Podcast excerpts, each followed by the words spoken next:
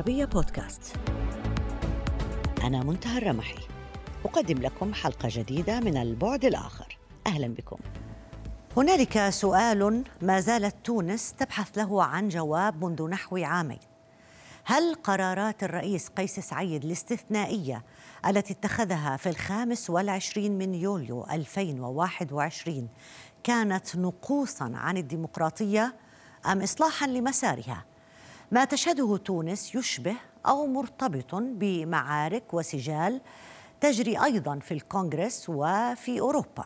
فبعد اختيار الإيطاليين جورجا ميلوني رئيسة لوزرائهم توعدتهم رئيسة المفوضية الأوروبية أرسولا فان ديرلين بأن لدى الاتحاد ما قالت إنها أدوات للتعامل مع روما إذا اتبع شعبها طريق المجر وبولندا. وهما دولتان أخريان تحدتا إجماع النخبة حول معنى الديمقراطية. هل الديمقراطية هي الإرادة الفعلية الحقيقية للشعب أم أن الديمقراطية هي مجموعة سياسات مقاييسها تتفق عليها نخبة بعيدة عن الشعب ولكن عبر توافق عابر للأوطان مثلما تدعمه فان مؤخرا تساءلت واشنطن بوست بنبرة عسكرية عن الأسباب التي أدت إلى فشل الديمقراطيين في جعل عام 2022 مخصصا لهزم كل من يهدد الديمقراطية في كل مكان وكأنها ديانة جديدة صالحة لكل زمان ومكان بمقاييس مقدسة. ومثل النخب الغربية أعادت النخبة السياسية في تونس تعريف معنى الديمقراطية. بدلا من معناها الحقيقي والأصلي أي حكم الشعب مثل ما عرفتها أثينا حولتها إلى حكم النخب الحقوقية لا صاحبة الكفاءة. وحتى حركة النهضة فهي جماعة أقرب للدينية لا مشروع سياسي وطني لها. أما بقية الأحزاب التي احتل ممثلوها البرلمان وصار لزعمائها مكان في الحياة العامة لم تكن سوى تجمعات تم ارتجالها لم تنتج في كل الأحوال حياة سياسية سليمة. لذلك يدافع أنصار الرئيس بأن تونس لا تحتاج لأحزاب نخب بعد فشلها في العقد الأخير وهو ما ترفضه أوساط أخرى من المجتمع ترى أن لا بديل عن الأحزاب في إدارة شؤون الأفراد. وفي الأثناء تبدو تظاهرات الأحزاب وكأنها قليلة الدعم من الداخل ما يزيد من السجال حول قدرتها على تطبيق ديمقراطية صالحة لحياة عموم التونسيين لا فقط لحياة النخب. اليوم استضيف سعادة السيد إبراهيم بودربالة رئيس البرلمان التونسي الجديد ليحدثنا عن كل ما سبق. ولد إبراهيم بودربالة عام 1952 وهو أحد أبرز وجوه قطاع المحاماة منذ عام 1977 تولى رئاسة الهيئة الوطنية للمحامين لعدة سنوات وهو من مؤسسي الحزب الديمقراطي الوحدوي زمن الرئيس الأسبق زين العابدين بن علي. ترافع أبو دربالة طوعا في عدة قضايا ضد النقابات ومعارضين يساريين وإسلاميين وكان عضوا في هيئة تحقيق أهداف الثورة عام 2011 وهو معروف بحياده الشديد مع جميع الأحزاب والمنظمات كما أنه مدافع شرس عن عدم تسييس المنظمات النقابية والأهلية وعن استقلال القضاء والمحاماة عن الأحزاب الأيديولوجية. سعادة إبراهيم بودربالة رئيس البرلمان التونسي هو ضيفي في هذه الحلقة. في البعد الآخر أهلا بك معنا. تقريبا ثلاثة شهور مضت على بدء أعمال البرلمان الجديد الذي تترأسونه. كيف بتقيم لي هذه الفترة حتى الآن؟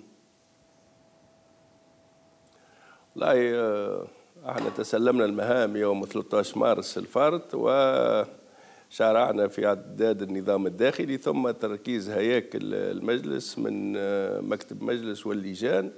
والآن شرعنا في دراسة القوانين وبالتالي يعني يعتبر آه، تركيز الهياكل في وقت قياسي. وبداية من هذا الأسبوع آه، سوف نشرع آه، حنا عدة قوانين على اللجان ذات العلاقة وسوف يجتمع المجلس في جلسة هذا الأسبوع لدراسة أحد, القو... أحد مشاريع القوانين.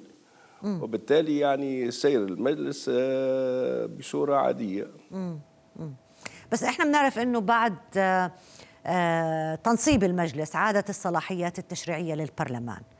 بس مع ذلك الصورة العامة اللي بتنطبع لدى أطراف خارجية وأحيانا لدى أطراف داخلية أنه الجانب التشريعي ما زال بيد رئيس البلاد هل هي مغالطة أم أنه ما زالت تونس تعيش تحت الإجراءات الاستثنائية؟ هل البرلمان هو من, من بيده الجانب التشريعي أم أنه ما زال بيد الرئيس؟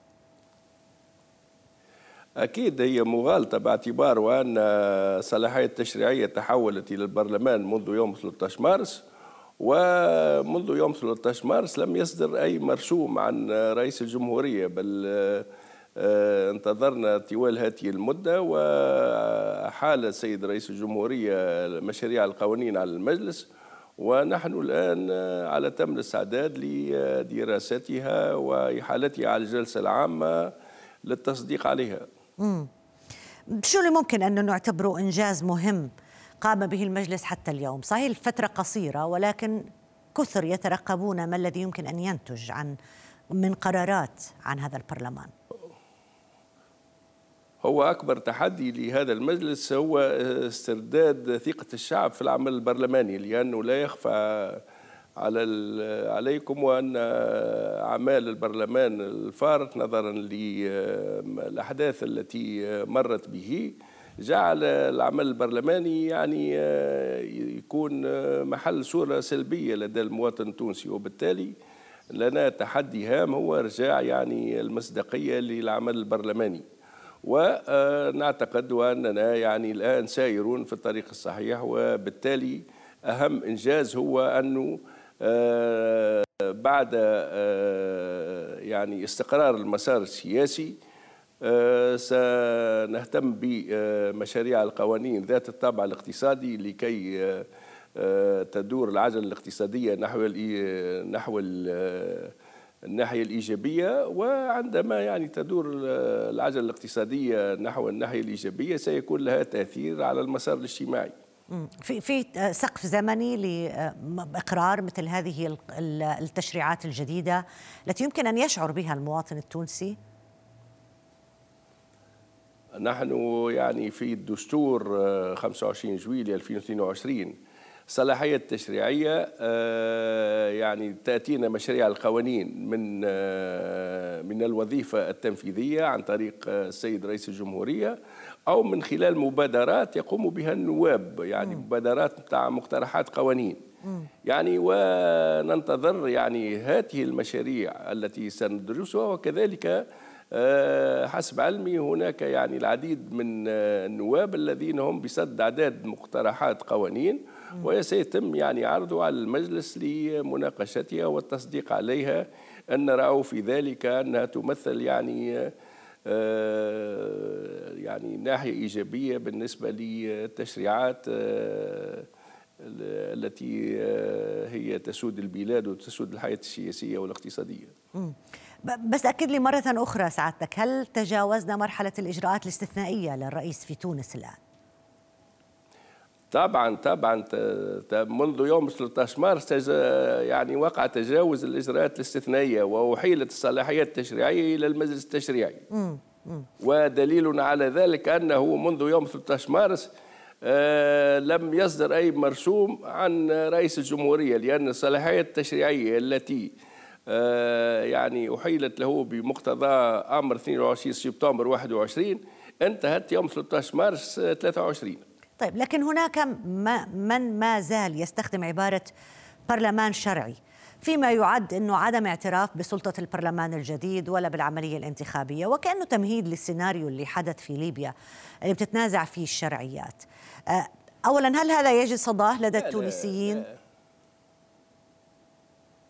لا اولا وبالذات آه، نحن والحمد لله يعني حافظنا على حرية التعبير وحرية الاجتماع وحرية الاحتجاج وكل يعني جهة سياسية سواء يعني منظمة وحزب يستطيعون العمل يعني بكل حرية في البلاد ودليل على ذلك أن الإعلام يعني حر وكذلك هناك يعني مظاهرات واحتجاجات وسمح لها بالتواجد وبالظهور الإعلامي.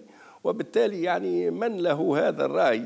بطبيعة الحال هو حر في الازداي به لكن آه، ما يلاحظ أن هؤلاء لم يجدوا التجاوب الشعبي الكافي بل على العكس من ذلك لا زالت يعني آه، المصداقية آه، واضحة بالنسبة لمسار 25 جويلية والتدابير 25 جويلية وما تلتها من إجراءات.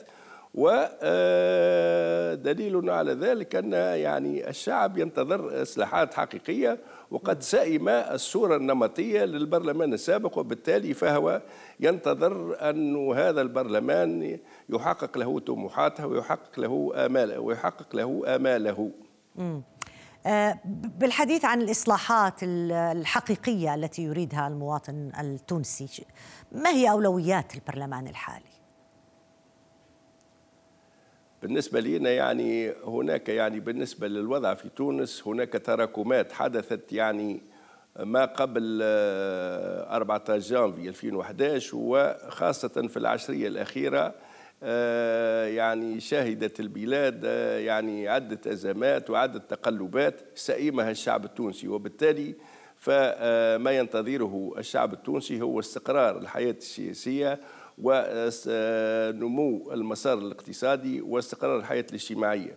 وبالتالي فإن على الوظيفة التنفيذية وكذلك البرلمان الاهتمام بكل ما من شأنه أن يصلح عديد من القطاعات مثل يعني التعليم مثل الصحة العمومية مثل النقل مثل القضاء يعني على البيروقراطية الإدارية مثل يعني الاهتمام بالنواحي الاقتصادية بث الطمأنينة لدى أفراد الشعب التونسي. المهم وأنه بخلاصة القول أنه في الماضي آه، استشرت يعني ثقافة اليأس في البلاد واليوم على البرلمان الحالي وكذلك الوظيفة التنفيذية العمل على استبدال ثقافة اليأس بثقافة الأمل لا أكثر ولا أقل. آه، يعني كل واحدة مما ذكرت آه، سعادتك بحاجة إلى وقت طويل من من أجل تحقيقها. على الأقل نبدأ بالخطوة الأولى. لكن كما تقولون في تونس عدم التنصيص على مفهوم المعارضة داخل البرلمان في النظام الداخلي للبرلمان في الحقيقة يبدو أمر غير مألوف. هل هذا يعني أن هناك موالاة فقط في هذا البرلمان ولا في معارضة؟ لا لا هو الأمر غير صحيح. اولا وبالذات نعرف طبيعة يعني الانتخابات التي آه، تمت ويعني آه، وقع بموجبها انتخاب نواب البرلمان. لأول مرة في تونس تطبق يعني آه، الانتخابات على أساس دوائر فردية بنظام الدورتين.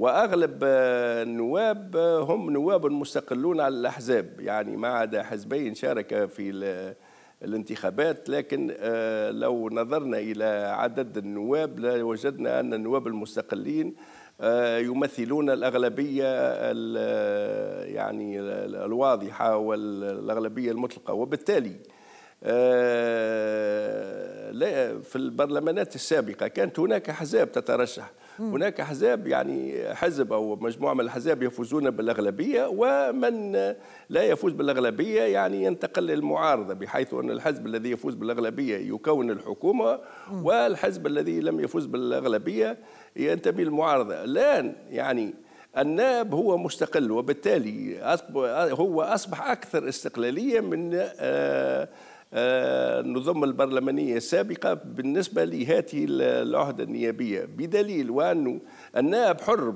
في التصويت على القوانين إما مع قوانين أو ضد قوانين ومع ذلك لا يعتبر آه، من المعارضة إذا ما صوت ضد قانون ولا يعتبر من الموالاة آه، إذا صوت مع قانون. وبالتالي حافظنا على استقلالية النائب وعلى دوره الحقيقي في التعبير على رأيه في مختلف القوانين ودليل على ذلك أنه في المستقبل آه، سيقع التصويت مع قوانين وسيقع التصويت ضد قوانين ويبقى النائب في نفس الوضعيه لا يعتبر لا من المعارضة ولا من ولا من المولى أنت ترى بانه هذا النموذج للبرلمان أفضل من البرلمان الحزبي اللي بتشكل فعلا من أغلبية تحكم ومعارضة تراقب طريقة الحكم أقصد الحكومة المجال التنفيذي يعني.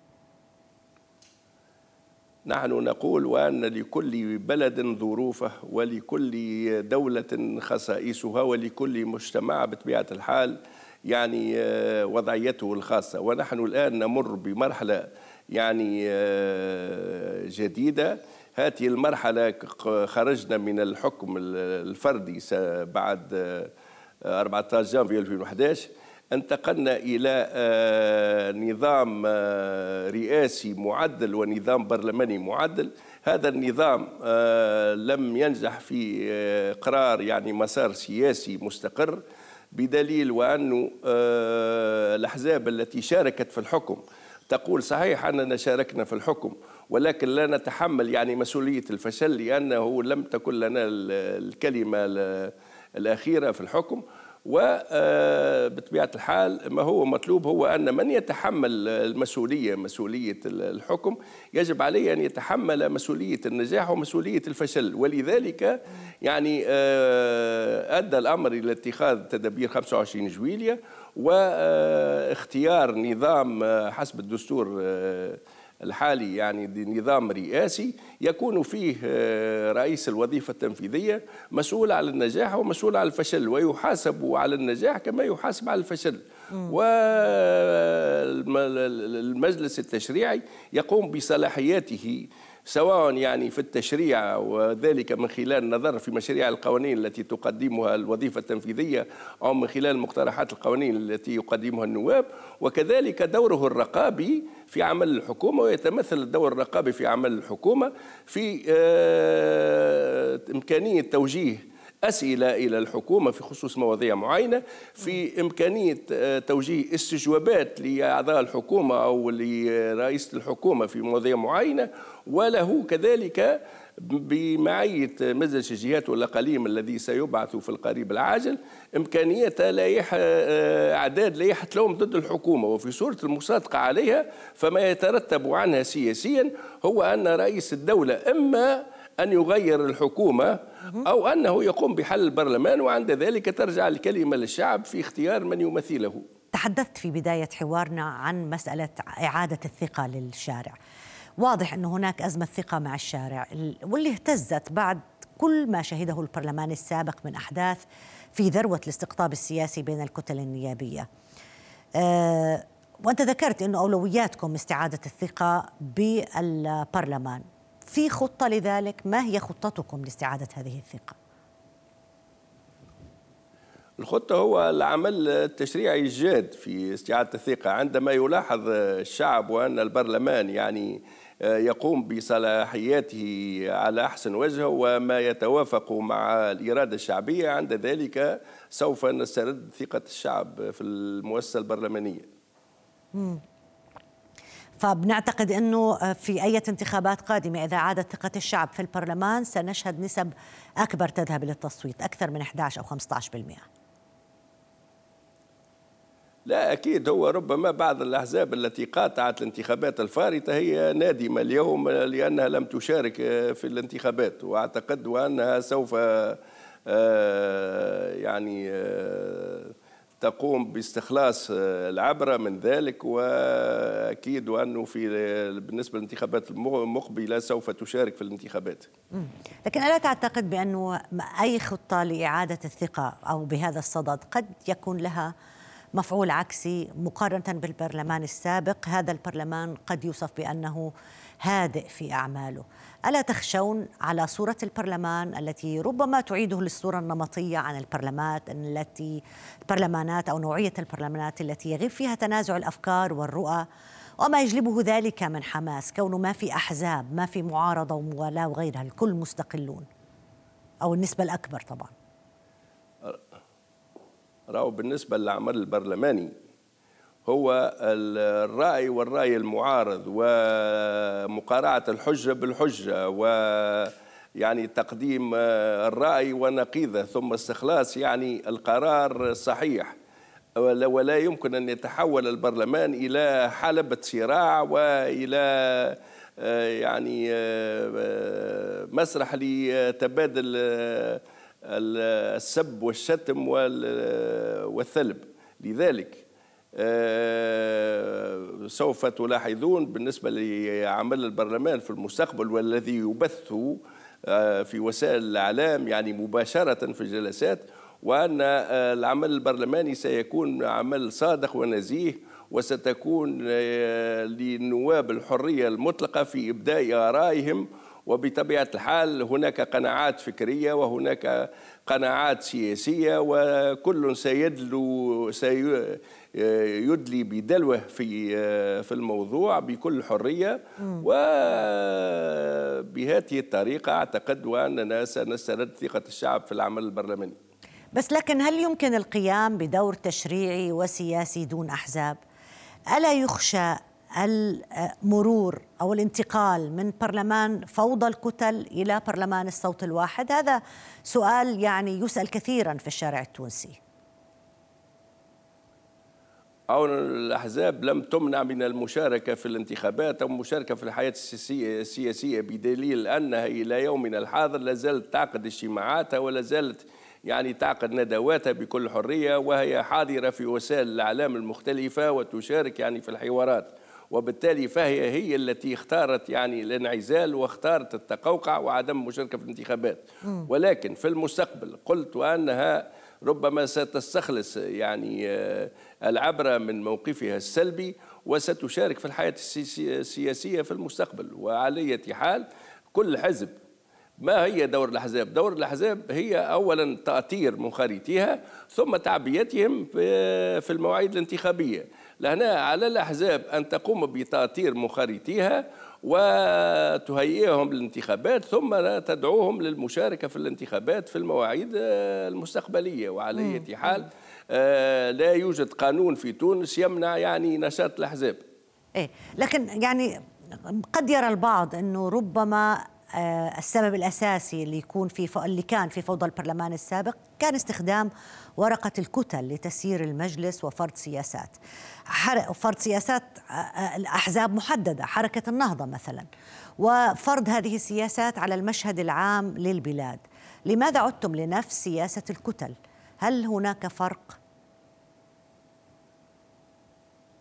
لا وتوا حتى البرلمان الحالي فيه كتل عندنا ستة كتل يعني تكونت وستنشط يعني داخل البرلمان.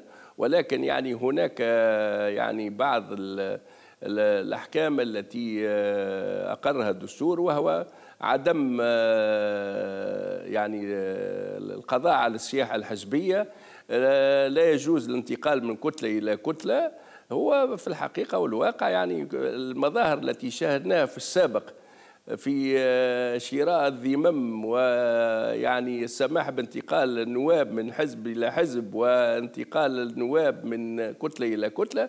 هذا أصبح آه، يعني آه، محجر ومن اختار الانضمام إلى كتلة عليه أن يبقى بتلك الكتلة وإذا انسلخ عليها يبقى يعني نائب يعني مستقل وغير منتمي ويواصل يعني تحمل مسؤوليته البرلمانية بتلك الصفة. موضوع الخلافات بين الكتل ما هي الأولوية في حلها؟ هل الجدل الحقوقي والأيديولوجي أم تغيير التشريعات كلها والتركيز فعلا على الدولة الخدمية أو الإدارة والخدمات للمواطنين؟ إذا أردنا أن آه، آه، نجعل المواطن التونسي يشعر بتغير في في إدارة الدولة. أنا بالذات يعني الدستور التونسي يعني وضح وأن للدولة ثلاث وظائف الوظيفة التنفيذية والوظيفة التشريعية والوظيفة القضائية. ومن يراقب هذه الوظائف هو الشعب من خلال الاستفتاء والانتخابات وما إلى ذلك. فمن هو مسؤول على سياسة الدولة هي الوظيفة التنفيذية رئيس الجمهورية والحكومة التي تساعده في ذلك. ومن صح هو بس في تشريعات ممكن تصدر عن البرلمان من أجل المساعدة والمساهمة في التغيير بطبيعة الحال إيه.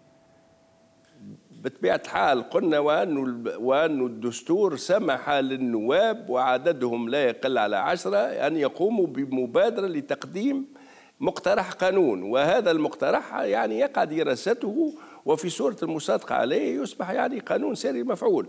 وكنت أسلفت القول وأن هناك العديد من النواب الذين يفكرون في أعداد مشاريع قوانين وفي أعداد يعني مقترحات قوانين. سيقع عرضها بصورة نظامية على اللجان ذات العلاقة ثم عرضها على الجلسة العامة للمصادقة عليها. آه طيب سيد إبراهيم في بحثنا عنك هو المعتاد في البعد الآخر آه آه، قيل كثيرا عنك أو عرف عنك بأنك رمز للاستقلالية والحياد فيما كتب، لكن الصورة الآن آه، بشأنك تبدو مختلفة، يصر معارضو هذا البرلمان على تقديمك على خلاف صورة الرجل النزيه التي أظهرتها عندما آه، قدت منظمات وطنية. كيف تنظرون لهذا؟ اولا وبذات لازلت على تلك الصورة آه، تقدمت بوصفي مستقل ولا زلت آه، يعني آه، أصر على الاستقلالية. و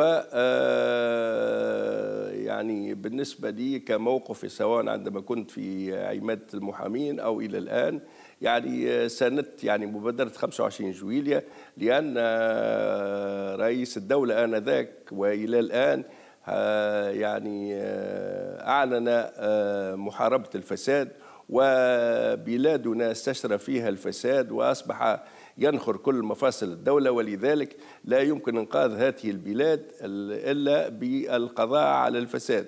وما دام يعني آه، رئيس الدولة ينتحي هذا النحو ويعلن يعني الحرب بلا هوادة على الفساد فأنا أسانده مساندا مطلقة وهذا لا يمس من استقلاليتي بل بالعكس هو يعني آه، برهان على أني مستقل في الأفكار وعندما يتراجع عن آه، هذا الدور لكل حادث حديث. ما لا يعرفه الكثيرون آه، عنك وخاصة مشاهدنا العربي الذي هو ليس بالضرورة أن يكون تونسي فقط أنك كنت عضو بالمجلس التأسيسي اللي كتب دستور عام 2014 وكنت تتميز بهذيك الفترة بالحياد بين مختلف مكونات المجتمع وأيضا التشكيلات السياسية وقتها. ما الذي حدث لتغير رأيك بشأن ذلك الدستور؟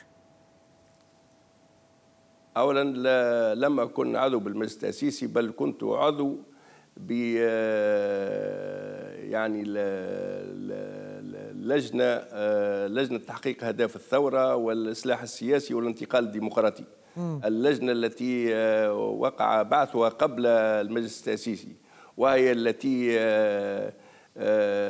بعملها أنتج المجلس التاسيسي المجلس التاسيسي. على أي حال آه، فعلا آه، في السابق كنت يعني آه، ربما مناصر لفكرة النظام البرلماني الحقيقي لا البرلمانات المزيفة يعني برلمان معدل ورئاسي معدل. ولكن الوضع بعد التجربة والوضع الذي مررنا به في بلادنا طيلة العشر سنوات الأخيرة آه، حتى ما وأنه آه، لابد من أن يكون هناك مسؤول في الوظيفة التنفيذية ويعني به رئيس الدولة والحكومة على نجاح السياسة سياسة سياسة الوظيفة التنفيذية أو كذلك مسؤولين على الفشل. وبالتالي فإن الدستور الذي وقع قراره يوم 25 جويلية 22 فعلا آه، أصبحت يعني الوظيفة التنفيذية مسؤولة عن آه، كل نتائج الحكم سواء آه، كانت إيجابية أو سلبية.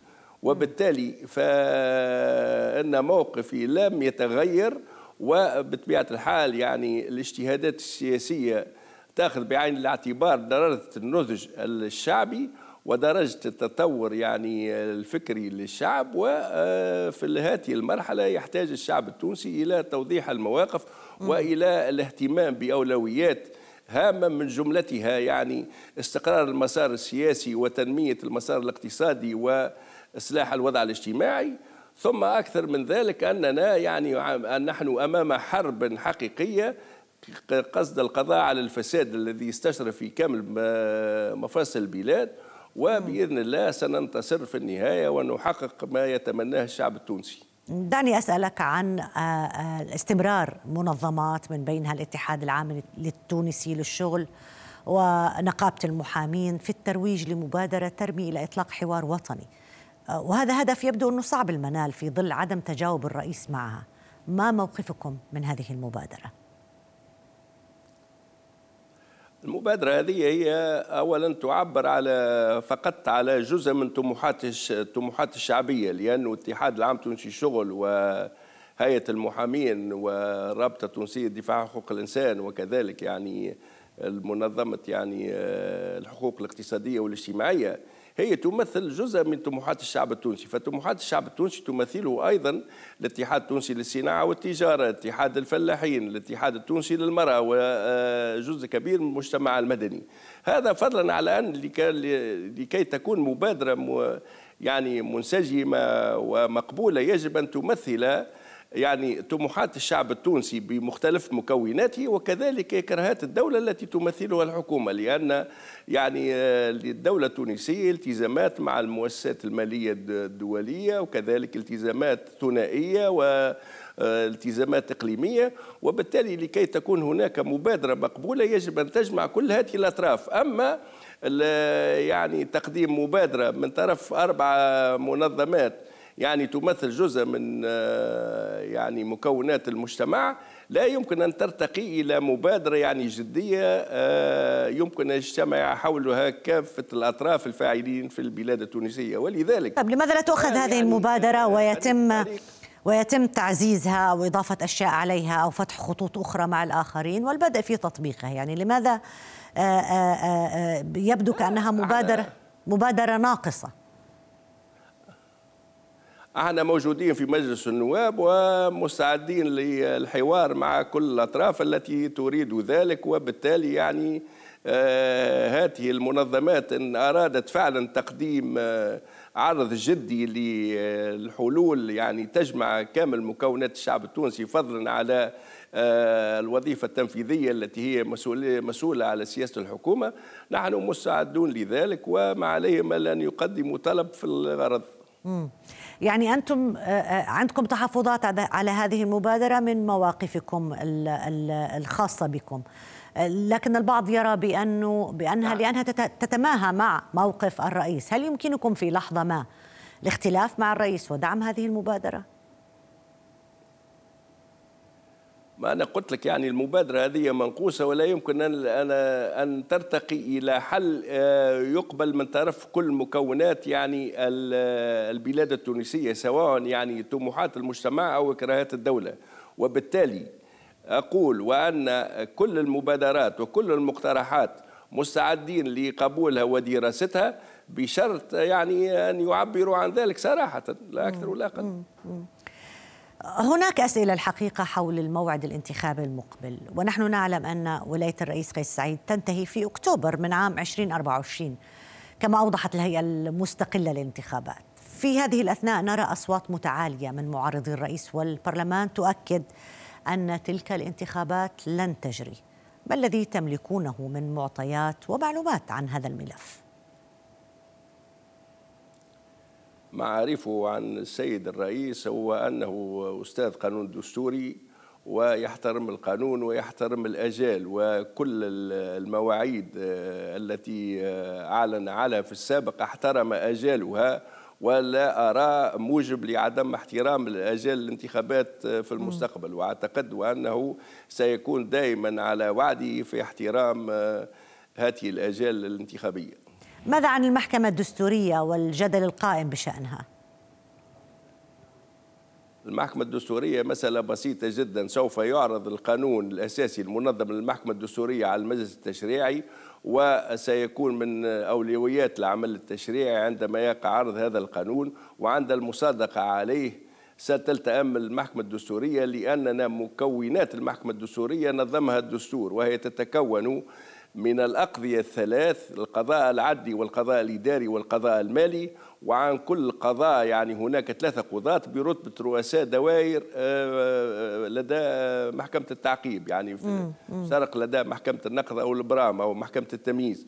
وبالتالي تقريبا الأشخاص الآن معروفين. ننتظر فقط يعني آه، يعني النظر في القانون الأساسي الذي سيعرض في القريب العاجل على مجلس النواب.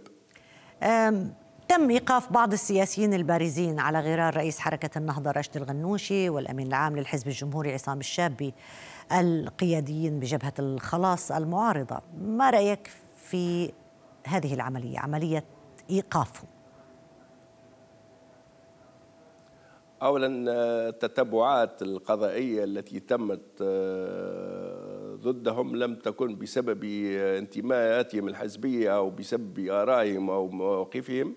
هي تمت يعني بسبب أفعال آه، نص عليها القانون الجزائي وعلى أي حال من الناحية القانونية وبوصف عميد المحامين أقول وأن كل إنسان بريء إلى أن تثبت إدانته من خلال محاكمة تضمن له فيها حقوق الدفاع وما دامت القضية أو القضايا أمام التحقيق فهناك مبدأ وهو وجوب احترام سرية التحقيق وأترك المسألة للقضاء ليقول كلمته في الموضوع هل هناك ما يثبت أن التحقيقات تتم على أفعال وليست على أفكار؟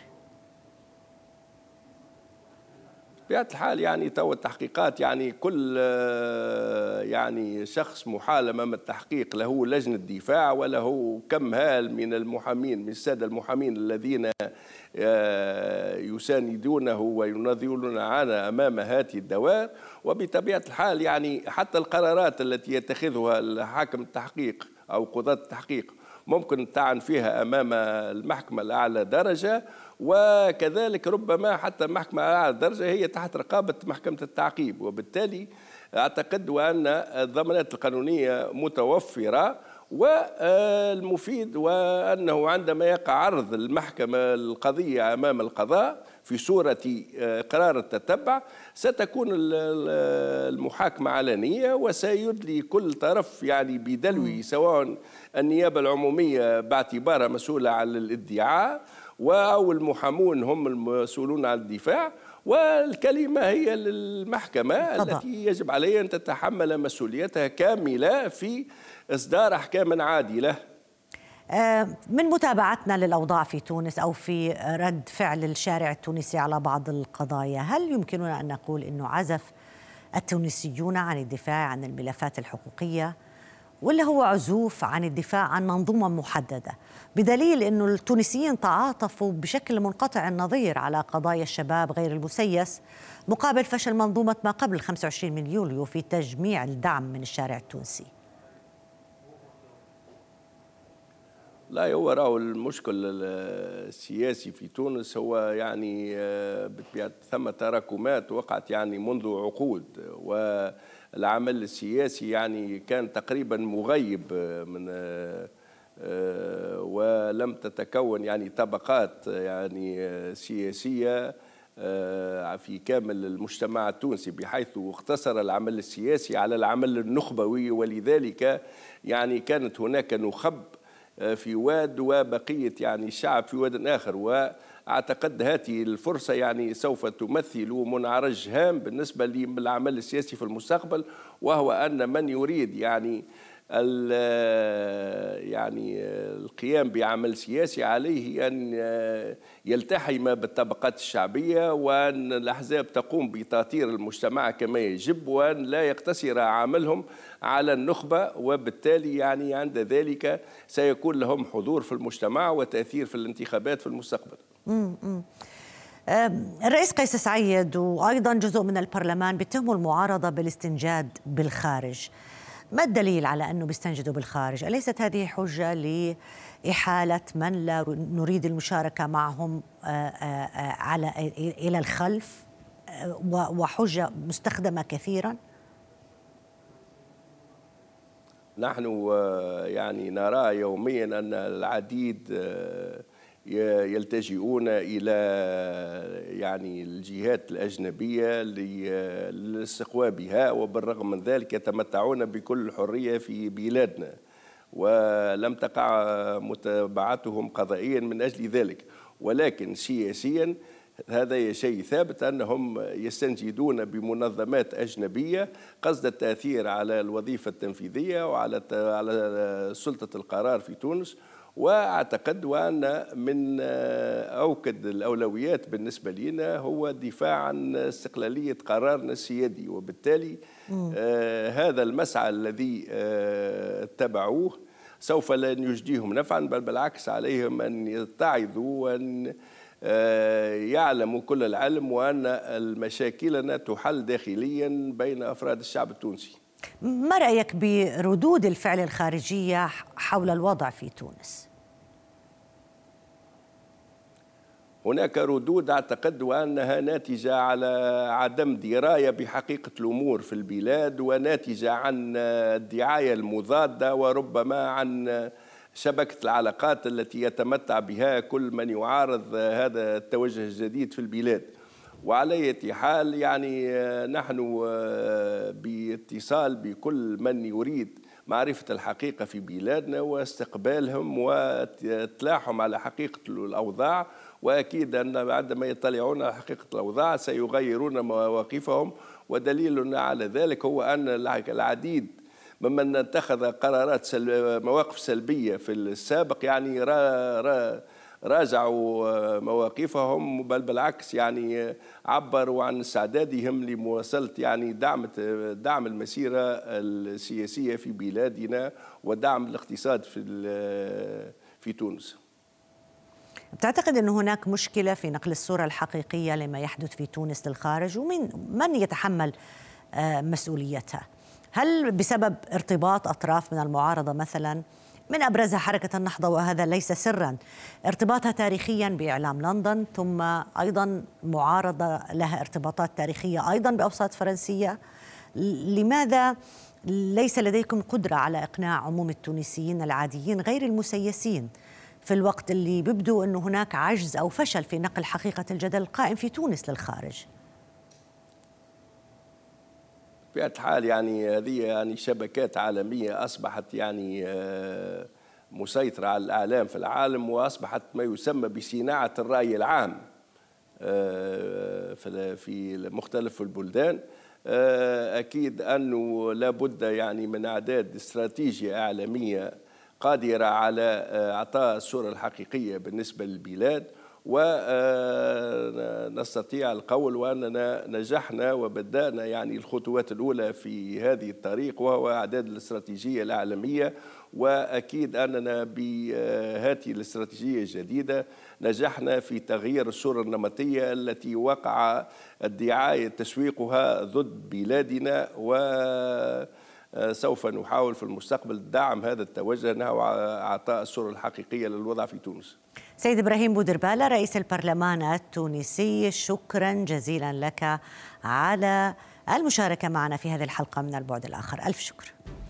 وإلى هنا تنتهي حلقة اليوم من البعد الآخر يمكنكم دائما متابعتنا على مواقع التواصل الاجتماعي تويتر فيسبوك ويوتيوب إلى اللقاء.